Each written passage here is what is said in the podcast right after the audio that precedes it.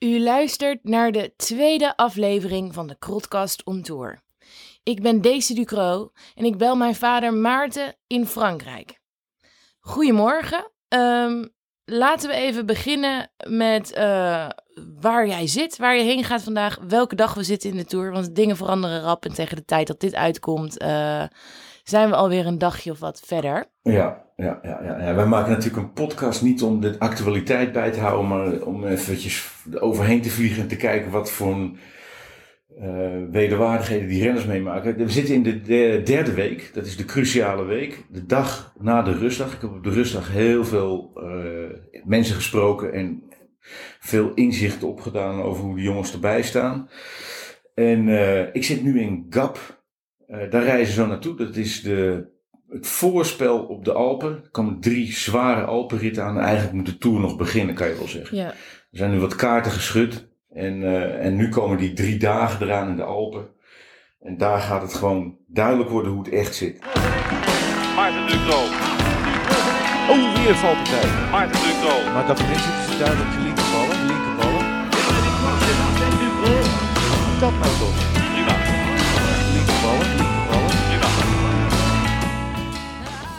Oké.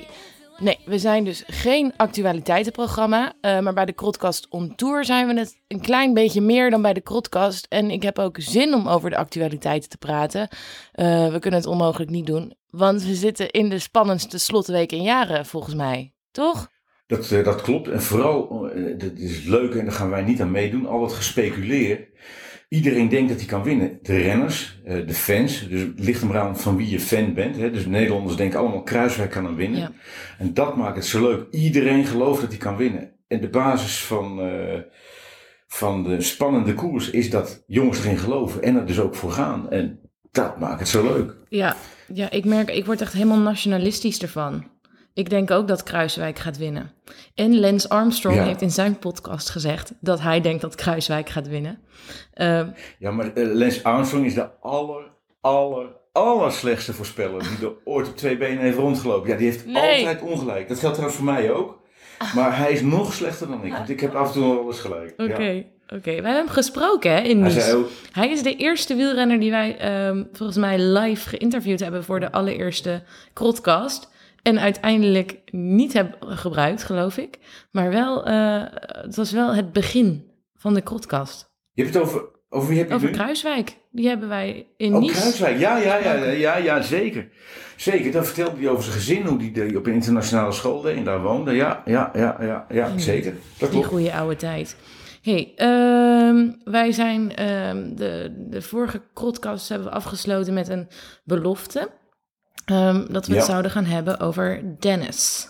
Voor Rowan Dennis. Spreek ik dat goed uit? Rowan Ja. Dennis. Oké, vertel. Heb jij ehm, Ellen Piper gesproken? Ben jij al iets meer op de hoogte?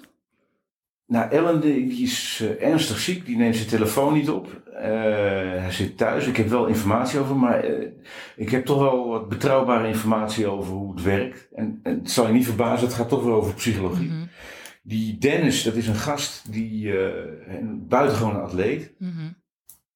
Eh buitengewone atleten hebben altijd een steekje los. Hè, kijk maar naar je vader. Eh, die moeten in hun leven toch een paar dingen uitvinden wat het dan is met top presteren. En die Dennis, dat is een, een, een licht ontvlambare driftkikker. Die kan om het minst of geringste. Alles moet perfect in orde zijn. Hij is heel erg perfectionistisch en dan ontploft hij als het niet goed gaat. En dat is, eh, dat- die ontploffingen zijn inmiddels legendarisch. Een beetje zoals jouw eh, opa dat ook kon hebben. Ja, ja, ja. En, eh, en die ontploffing heeft plaatsgevonden. Wat de aanleiding daarvoor is, het is een opbouw. Hij, het materiaal is niet naar zijn zin. Mhm. Hij komt van een andere ploeg waarbij alles in orde was. BMC, dat is de Bike Manufacturing Company uit Zwitserland. Simpel kan je het maken? En die hadden een specialisme door al die fietsen nou, met ruimtevaartachtige precisie te kunnen bouwen. En ehm, eh, dat zit nu anders. Niet dat die fietsen niet goed zijn, maar hij heeft daar bepaalde eisen in. En die fietsen zijn veel meer gestandaardiseerd. En hij heeft natuurlijk allerlei individuele aanpassingen nodig. En eh, dat moet zich nog zetten, want het is allemaal net gebeurd. Dus eh, daar was een aanleiding in dat hij vlak voor die tijdrit te horen kreeg dat het niet in orde was. Of niet in orde kwam. En een klein aanvaringje daarbij met Stangel. Stangel is een, is een ploegleider, een ex-renner, Ja. een Sloveen, Italiaans georiënteerd. Dat gesteld tegenover dat Anglo-Saxische precisie, we produceren het resultaat wat we willen. Dat is ontploft in de koers. De precieze aanleiding wordt niet over gesproken, maar daar is hij gewoon zo boos geworden. Is hij gewoon eh, naar, de, naar de tweede eh, bevoorrading gereden en heeft hij zijn fiets ingeleverd en is naar huis gegaan. Ik ben natuurlijk ook even gaan googlen of ik een eenduidige reden voor zijn vertrek kon vinden ergens. Dat was natuurlijk niet het geval. Maar ik kwam wel een quote tegen van die Stangel, die jij net al even noemt, ehm, die ik heel treffend vond. Hij zegt over Dennis, ehm, he's a special person. All champions are. Ja, Nou, ja. als je iemand een special person noemt, dan weet je denk ik wel hoe laat het is. Eh, anderzijds vond ik ook een verhaal over eh, die mot over dat materiaal. En dat is een interview al van voor de tour, waarin Rowan Dennis aangeeft eh, dat er inderdaad eh mot over is. En dat hij het gevoel heeft dat hij zijn zorgen, wensen, eisen, hoe je het wil noemen, ehm, steeds weer aankaart. Maar hij zich daar echt niet in gehoord voelt. Ehm, en dan vraag ik me af, ja, is dat dan niet gewoon fair enough? Of ehm, eh, is er iets mis met hoe hij dan die wensen communiceert? Of eh, moet ik me daar dan een soort diva-praktijken bij voorstellen? Nee, nee, nee, nee, nee. Dat is, eh, ja, die jongen is gefocust op zijn prestaties. Die keert naar binnen. Mhm. Eh, en, en die verwacht bij de minst of geringste uiting dat het, eh, dat het gehoord wordt. En dat wordt niet gehoord en dat bouwt zich op en dan boem, ontploft hij. En daar moet je ook nog bij denken dat het een fantastische atleet is. En dat dat al vroeg ontdekt werd. En wat doen ze in Australië, waar hij vandaan komt? Dat is eh, zwemmen. Dat is een buitengewoon goede zwemmer. Maar de trainers die daarop letten, die zeggen: ja, maar je hebt een dermate groot duurvermogen en herstelvermogen. Eh, is het niet wat voor jou om te wielrennen? En dat maakt dat wielrennen ook niet zijn eerste grote liefde is. Eh, hij is niet geroepen tot de fiets zoals Alaphilippe dat is. Een roeping. Eh, eh, hij, hij is daar op terechtgekomen dat hij daar goed in was volgens anderen. En dat heeft altijd een rol gespeeld in zijn carrière. Hij is niet die diepe verliefdheid zoals Merckx dat heeft, of Alaphilippe, of uh, Veuclair, noem ze maar op. Die gasten die, die fietsen in hun slaap nog door, weet je wel. Hij kan heel goed zonder. Ja. En als hij dus niet kan winnen in de tijdrit, dat gevoel had hij omdat zijn materiaal niet klopt. Hij vraagt tien keer om zo, of er maar iets te gebeuren en hij gaat van het padje af en boem, weg is hij. Ja. Maar genoeg over Dennis, of niet? Ze zijn allemaal kwetsbaar eh, in, in hun hoofd. Dus eh, Ja. Oké, inderdaad. Genoeg over Dennis. Ehm, maar wel even verder over dat hoofd. Want als we het ergens graag over hebben bij de podcast, dan is het wielrennen en psychologie. Ehm, en daar gaan we het vandaag ook over hebben. We gaan naar eh, eh, een aantal interessante renners eh, kijken, zonder te veel te speculeren en, een, en de ploegen waar zij voor rijden. Ehm, maar als we het hebben over de mindset, over de psychologie, dan moeten we het nu hebben over Astana. Want Astana is de kopman kwijt. ja, maar mooi is, wij zijn in het voorjaar daar bij eens langs geweest. En toen was die positieve vibe er in de ploeg. Waardoor ze wel die emotie erin kregen. En de saamhorigheid en het gevoel van wij, wij geloven ergens in. En dat had heel erg te maken met het overlijden ook van, eh, van Scarponi Ja. het jaar daarvoor. Waardoor ze zeiden, ja waar gaat het nou eigenlijk om? Jongens, we zijn een paar gasten die met het mooiste vak van de wereld kunnen doen. De, de lol trappen op de fiets. En wat zitten we nou te miepen met, kom op, we gaan ervoor. En die Vogelsang die wint alles dit voorjaar waar hij zijn zin op zet op een paar dingen na. Wordt ook nog een keer gevoelig tweede achter Alaphilippe.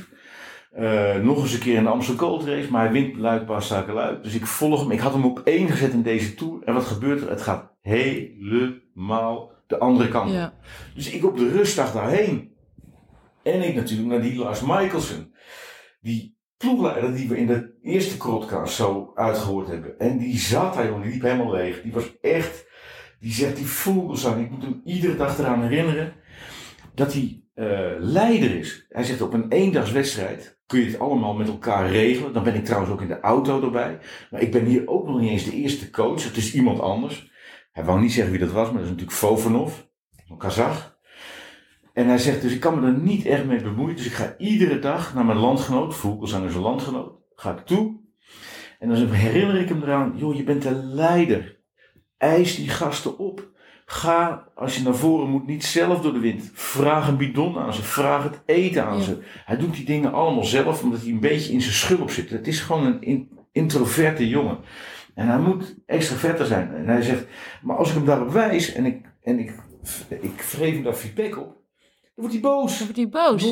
Ik zeg, ja, dan wordt hij eigenwijs ton erop. En eh, ik bepaal zelf wel hoe ik koers. En, eh, eh, dus dat was duidelijk frictie. Mhm. Die Michelson was er te ver af. Hij kon niet de toegang krijgen tot Vogelsang. En Vogelsang valt in de eerste etappe meteen op zijn snuit. En gisteren voelde je al, dit zit niet goed. Ik vertel het nog in de uitzending van, die zijn aan het zoeken naar die vibe uit het voorjaar. En in een drieweekse werkt dat anders. En wat gebeurt er? Eh, hij valt zodanig hard op zijn snuit dat hij, ik, ik dacht dat hij zijn pols gebroken had. Het blijkt nu zwaar gekneusd te zijn, maar ook zijn, allebei zijn ellebogen, allebei zijn knieën. Dus die zijn in, in dat gedeelte waar ze bang waren voor de waaier, is die in Uzet eh, ja, echt hard gevallen. Ja, ja en, en echt, zo werkt dat. Ja. Ook Jaron Thomas viel. Geraint Thomas, hoe moet je dat zeggen? Eh, dat, dat zijn niet alleen gevolgen die je moet oplossen. Het is ook een symptoom van een onderliggend gevoel, waar Bert Otten het al over had, waar het niet helemaal congruent is, waarin eh, wat je wil produceren aan uitslag, waarin je controle wil krijgen, waarin je gevoel niet goed is, eh, waarin je dat niet bij elkaar krijgt, waarin je het niet eh, in je, ja, gewoon waarin je niet in de wedstrijd zit, zoals het heet. En dat uitzicht dat onder andere in slechte prestaties, maar ook in risico's op vallen. Wat interessant dat dit nu zo duidelijk wordt. Het is een beetje dom, maar ik heb daar dus eigenlijk nooit over nagedacht. Dat behalve dat drie weken koersen veel eh, vermoeiender is. Dat dat dus ook hele andere dingen vraagt van zo'n eh, van zo'n team en de samenwerking. Nou ja, kijk, de, de mentale, eh, het vereisten, niet alleen mentaal, maar fysiek, de, de, de vereisten in een tour, de, de, de eisen die gesteld worden en de dingen die je moet oplossen onderweg, zijn van een andere orde in een eh eendagswedstrijd dan in een drieweekse wedstrijd. Mhm. Dat, is, eh, dat zijn ook totaal verschillende type renners vaak. En, en wat, het, wat het meer eh, dan in een eendagswedstrijd vereist, eh, is, kijk, in een eendagswedstrijd ben je ook op jezelf aangewezen. En die ploeggenoten hebben een veel striktere taak om bij je te zijn. En, en, en dan is het ook veel hardere selectie. Dus het is een beperkt kransje mensen die het dan moeten doen in de finale. En daar ben je van afhankelijk. En die gaan het dan ook doen. In zo'n drie weken zijn het voortdurend verschuivende panelen. Eh, als het vandaag niet lukt, dan lukt het morgen. Kijk naar Pinot, daar gaan we het zo nog over hebben. Hè, die verliest op één dag meer dan anderhalf minuut. En die eh, is uit de Tour, denk je. En hij knokt zichzelf er weer in. Ja. En dat, is, dat proces, die calvarietocht van drie weken, stelt heel andere eisen. En wat er dan boven komt bij Vogelsang, wat we in het voorjaar minder zagen, eh, en wat, is dat die, dat de binnenvetter die die is, de, de Einzelgängerige, wat hij erin heeft, en het moeite hebben om andere renners in dat proces van drie weken te leiden, Mhm. Ja, dat komt zo heel erg aan de oppervlakte. En, eh, en eh, daar wordt er druk op hem gezet. Dus ik denk ook dat er niet goed gecoacht wordt. Want ze gaan er druk op hem zetten. Ja, dat moet je juist niet doen. Dus dat betekent de eerste etappe ligt hij al meteen op zijn bakken. Dus dan zit iedereen van, oh jee, daar gaan we weer. Mhm. Ja, en dat, dan, dan, ja, dan is dat proces van drie weken is al scheef. Ja. En om het dan weer recht te krijgen is bijna niet te doen. Eh, dat is echt heel moeilijk. Vooral omdat het in die ploeg zelf zit. Pinot bijvoorbeeld is heel anders. Mag ik daar al over beginnen? Van mij, eh, van, eh, van mij mag je, Bars los. Ja, maar dat is, zo- die tegenstelling is zo leuk. Want Pinot, die was er klaar voor. Die heeft een aantal jaren gehad van zeer wisselende successen. Hij komt over als 22-jarige broekie, wint een goede etappe. En is daarna eh, nog een keer op het podium geëindigd in de Tour. Mhm. Eh, maar hij heeft allerlei toestanden meegemaakt. Van angst om te dalen, eh, angst om te winnen. Een totale ineenstorting in de Giro van vorig jaar. En al die dingen heeft hij mee moeten maken. En nu, nu hij op rijpere leeftijd is, hij is geloof ik 31, ehm, eh, komt alles samen. Want hij wint in één keer twee etappes in de zeer zware Vuelta van vorig jaar, in de derde week.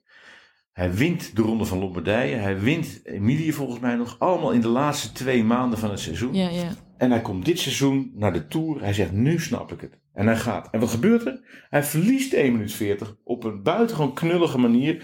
Die eh, niet iedereen had kunnen overkomen, maar het overkomt je. Dat is in dat proces van die drie weken niet te vermijden. Mhm.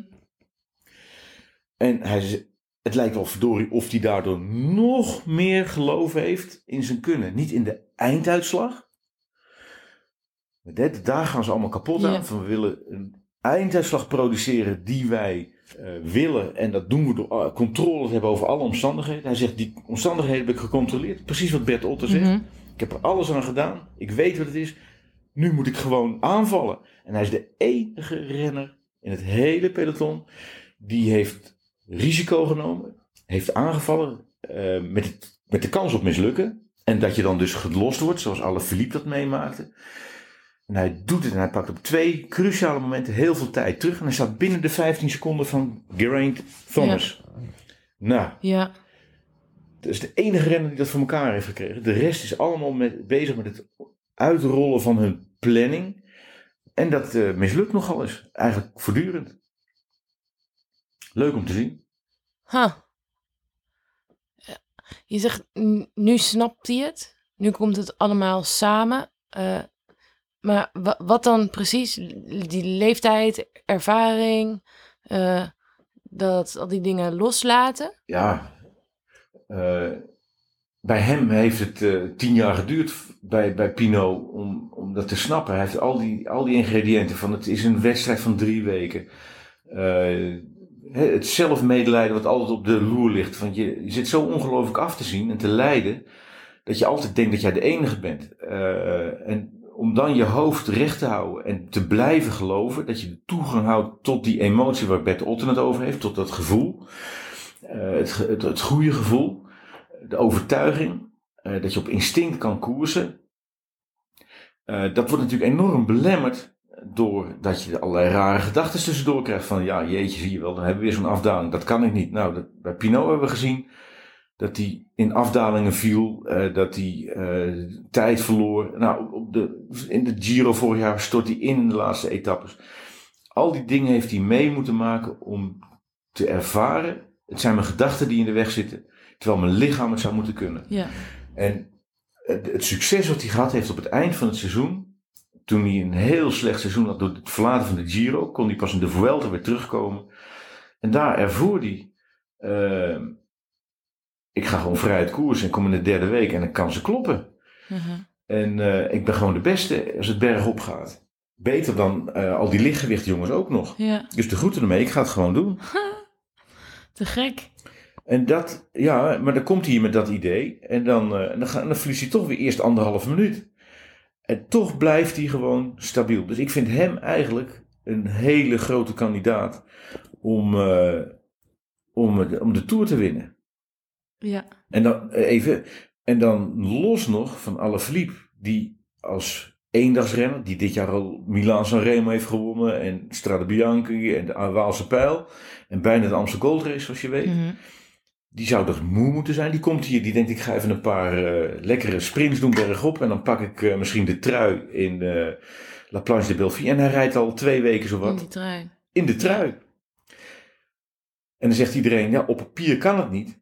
Nou ik zeg jou, wie gaat die anderhalf minuut van hem pakken? Want hij heeft ook weer een belangrijke les geleerd. De spring in het veld die die is. De les was, hij springt mee met Pinot. Rijdt dus weg bij zijn grootste concurrent Geraint Thomas. Blaast zichzelf op. Wordt ingehaald door Thomas, moet daar los en verspeelt 30 seconden. Hij weet, als ik daar was blijven zitten, had ik er gewoon bij gezeten. Ja. Dat weet hij. Dus dat betekent dat hij in de derde week misschien te licht is, misschien al te vermoeid is, maar hij heeft het geloof dat hij, niet dat hij die trui kan winnen, nee, ik kan erbij blijven. Daar gaat het om. Eerst stap 1, nu erbij blijven. Nou, wie gaat hem eraf rijden? Ik zie het nog niet zomaar. Ja. Hij moet er echt doorzakken en dan verliest hij ook in één keer 20 minuten. Maar anders blijft hij erbij en gaat hij ook nog eens de Tour kunnen winnen. Het zou wat zijn. Ja, Ja.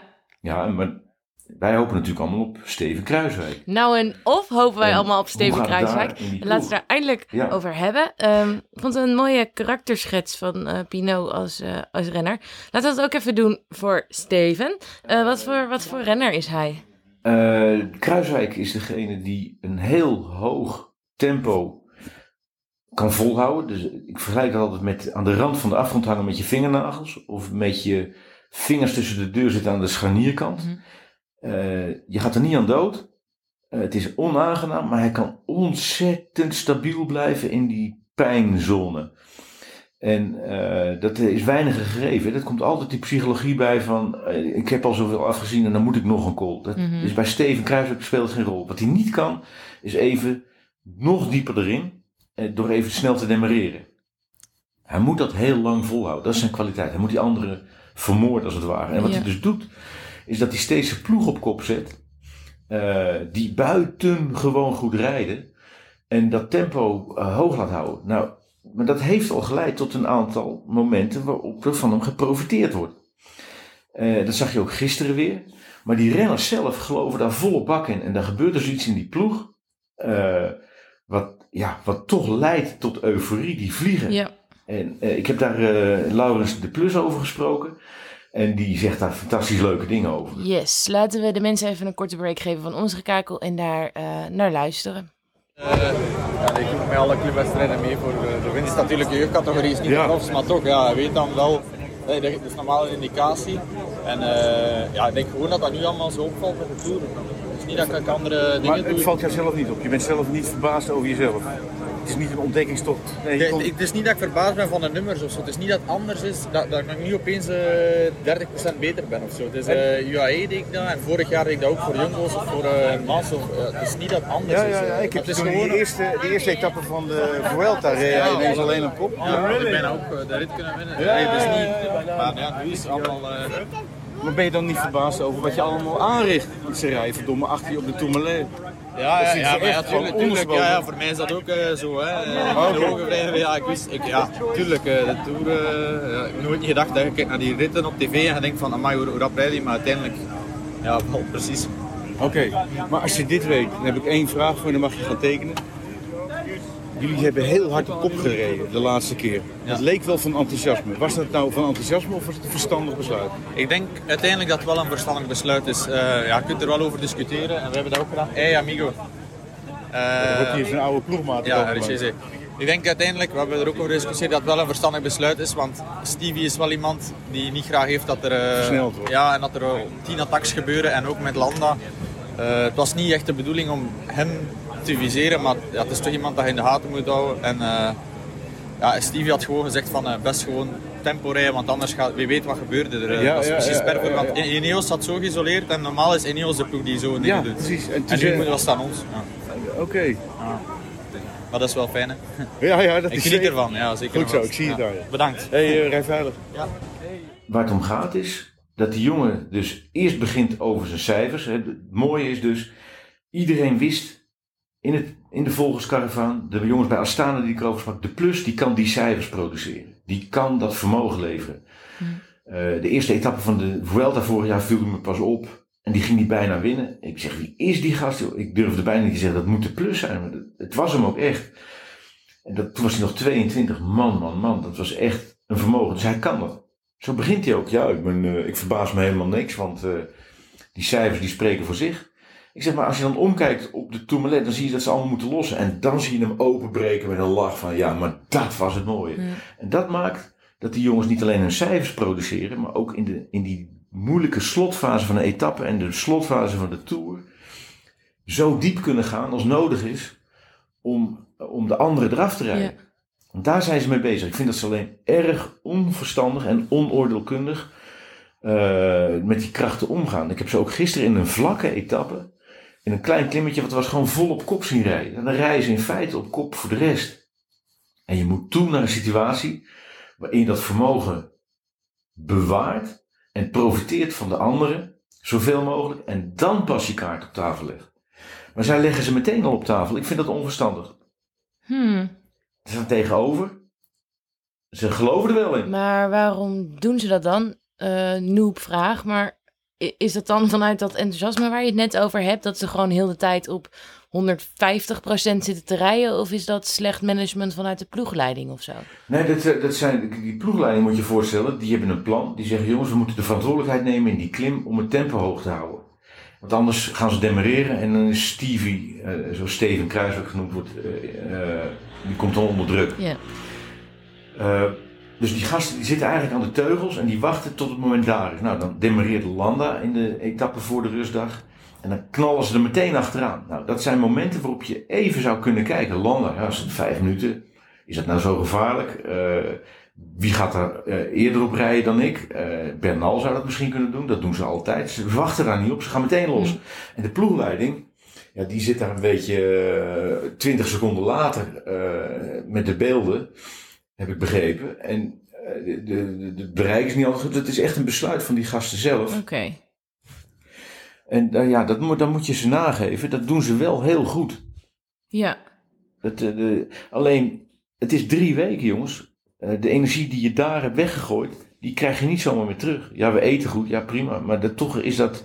Het gaat erom dat je eerst het bordje van een ander leeg eet. Dat blijft wielrennen. Het is niet alleen maar kijken wie het hardste kan. Het is ook kijken wie het slimste het spel kan spelen.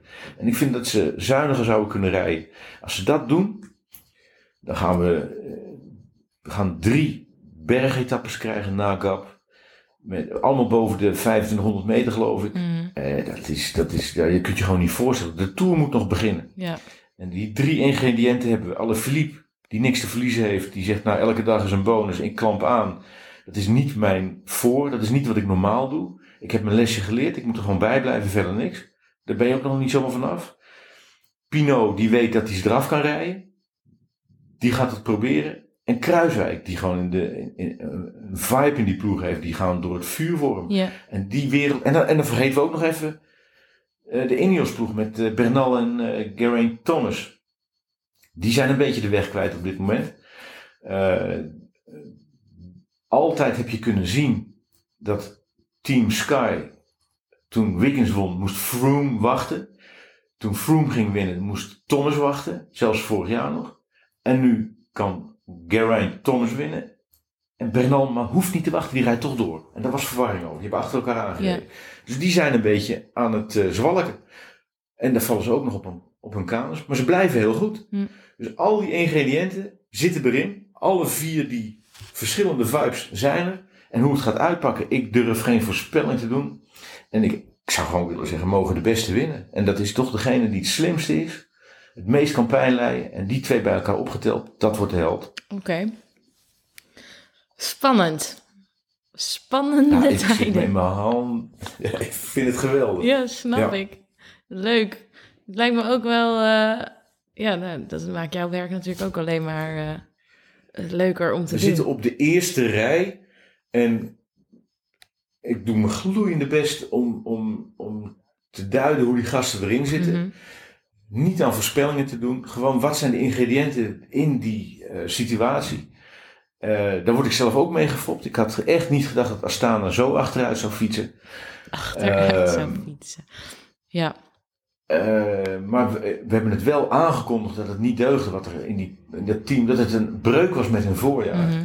We hebben het echt, eh, en dat, en dat, dat, dat, dat ik daarbij op de eerste rij mag zitten en de, de mensen zo mag uitleggen, dat vind ik een voorrecht. Daar blijf ik van genieten. ja, En het is leuk om te zien nog. ja. Ja, nou snap ik.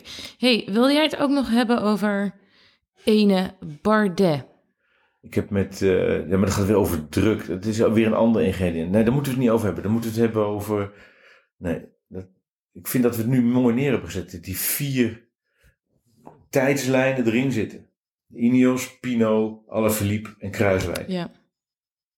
Ik moet zeggen, ik, ehm, ja, ik ben natuurlijk, maar ja, wie niet? Eh, ik, ik ben altijd voor de underdog. En ehm, ik, vind, ik ben natuurlijk, ik ga- kan het niet vaak genoeg zeggen, eh, helemaal team Kruiswijk. En ik vind het prachtig wat je zegt. Hij heeft een ploeg om zich heen die voor hem door het vuur gaat. En dat is te gek om te zien. Maar ik vind, eh, nou ja, ik kan Alaphilippe niet een underdog noemen. Maar, of nou misschien ook wel. Ik ook. Hij, hij rijdt wel, te- dat had hij zelf denk ik niet helemaal verwacht. eh, dus drie weken Nee. geleden dat hij... Nee. Ja, Nee, ik zou het Pinot heel erg gunnen. Uh-huh.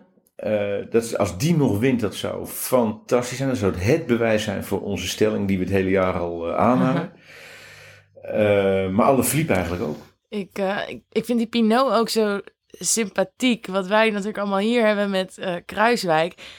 hebben ze daar natuurlijk ook. En hij zegt van, nou, als ik dan van iemand moet verliezen, laat het dan zijn van nou, zijn mede-Fransoos à la Philippe.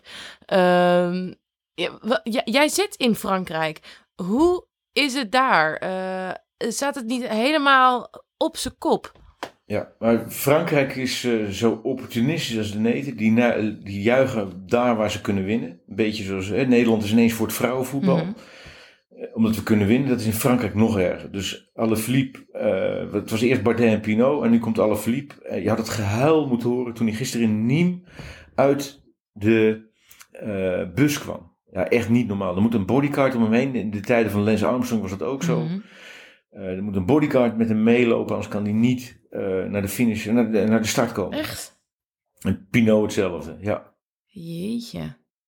Ja, da- da- daar heb ik wel. eh, daar, daar heb ik wel een. Dat, oh, deze, dat was kloten. Ik had het. eh, Jean-Marc van, eh, van, van Bergen, die, dat is de mechanieker bij eh, de ploeg van Greg van Avermaat. En die hield een fantastisch betoog over hoe de renners voetvolk zijn geworden. De gladiatoren in een circus. De hotels niet meer kloppen. Het gaat om de VIP's het gaat om de commercie en niet meer om de renners. Hij zegt: Mijn ogen zijn te moe om dit nog langer aan te zien. Ik stop ermee. En, en hij zegt, wij houden van elkaar, want wij snappen dit. En ik had het opgenomen, dacht ik, had ik hem op pauze gezet. Nou jij weer. Oh. Kut, oh nee, dat meen je. Ja. ja. Maar dit is ook een, zo, die man kunnen we ook een keer apart Ja. spreken. Als mechanieker van Greg van Avermaat. En dan gaan we rond Greg gaan we eens een keer wat maken. Want die, die zijn vader ken ik ook goed. En, eh, dus het zijn al twee podcasten. Mhm. Die jongen van Hugo Oele en Greg van Avermaat met zijn mechanieker en zijn vader. Ja. Oele hebben we nog niet eh, genoemd, maar voor eh, als dit eh, de podcast haalt, we gaan het hebben over Oele. Dat is een prachtig Canadees. verhaal. Ja. Ja, prachtig, een naar verhaal, maar uiteindelijk een, een verhaal dat zeker verteld moet worden. Ehm, nog heel even een stukje terug, want daar ben ik even benieuwd naar. Ehm, hoe, dat, is, dat is dus best wel veranderd, dat circus rondom de Tour door de jaren heen. Hoe was dat dan toen jij eh, renner was? Nou, ik, eh, toen ik renner was, zaten we gewoon op een houten tribune en kon je daar eh, heen. eh, en dan liep je naar de commentaarpositie en dan ging je daar vertellen. Mhm. Toen ik 15 jaar geleden weer terug in het métier kwam, was dat natuurlijk vergaan geprofessional- geprofessionaliseerd. Maar wat nu eh, nog groter begint te worden, is dat het kenmerk van het wielrennen is dat het publiek bij zijn renners kan komen. Zeker bij de start. Dan liep het publiek tussen die bussen door. Dat hebben ze nu allemaal afgezet, dat snap ik ook wel. Maar wat ze doen is dat ze tegen betaling eh, VIP-bandjes uitreiken aan mensen die dan eh, tussen die bussen kunnen lopen. Dus het echte publiek wat daarop afkomt staat daar zes uur te wachten en staat achter de hekken. En het betalende publiek staat dan binnen de hekken. En eh, dat, ja, dat, dat begint wel te wringen hoor. Dat is, dat, daar moeten ze echt nog iets op verzinnen over hoe kan je het kenmerk van wielrennen, dat je hand, helden om de handbereik zijn, dat je ze kan zien, dat je met ze op de foto kan. Ja. Eh, als je dat allemaal weggeeft aan de commercie of vercommercialiseert, dat, dat, dan gaan dingen mis. Ja. Eh, ik heb daar de oplossing niet voor, maar dat is een enorme verandering die maakt dat het steeds verder anoniem wordt eigenlijk. Veel, oh, en daar bedoel ik mee dat het veel meer gaat om het plaatje, om de commercie in plaats van om het echte contact met die renners. Ja. En eh, ik zie gisteren Bonnet, een knecht van, eh, een helper van eh, Pinot. Daar komt de hele buurt, zijn familie plus zijn kinderen en de hele buurt, die komen en die willen allemaal op de foto. En hij neemt daar zeker 20 minuten de tijd voor. En die man is helemaal gelukkig. Ik heb er zelfs een foto van gemaakt over hoe die daar staat. Nou, dat zijn dingen die bijna niet meer kunnen. Dat moet echt geregeld worden. Je moet dat gaan produceren in dat commerciële circus, want anders is die plek verkocht aan de hoogstbiedende. Ja, dat zijn natuurlijk dingen die. Dat is de basis van het wielrennen. Als je dat loslaat, dan gaat het slecht aflopen. Ja, ja, ja. Zonde. En eh, je ziet de renners zichzelf dus ook gedragen als eh, plaatjes uit een stripboek eh, en afstand houden. En ik snap ze. Ja. Dat begrijp ik wel. Nee, dat snap ik ook. Maar daarom hebben wij het voorrecht om eventjes achter de coulissen te duiken. Hé hey joh, doe die bril eens af en vertel eens hoe het echt zit. Hm.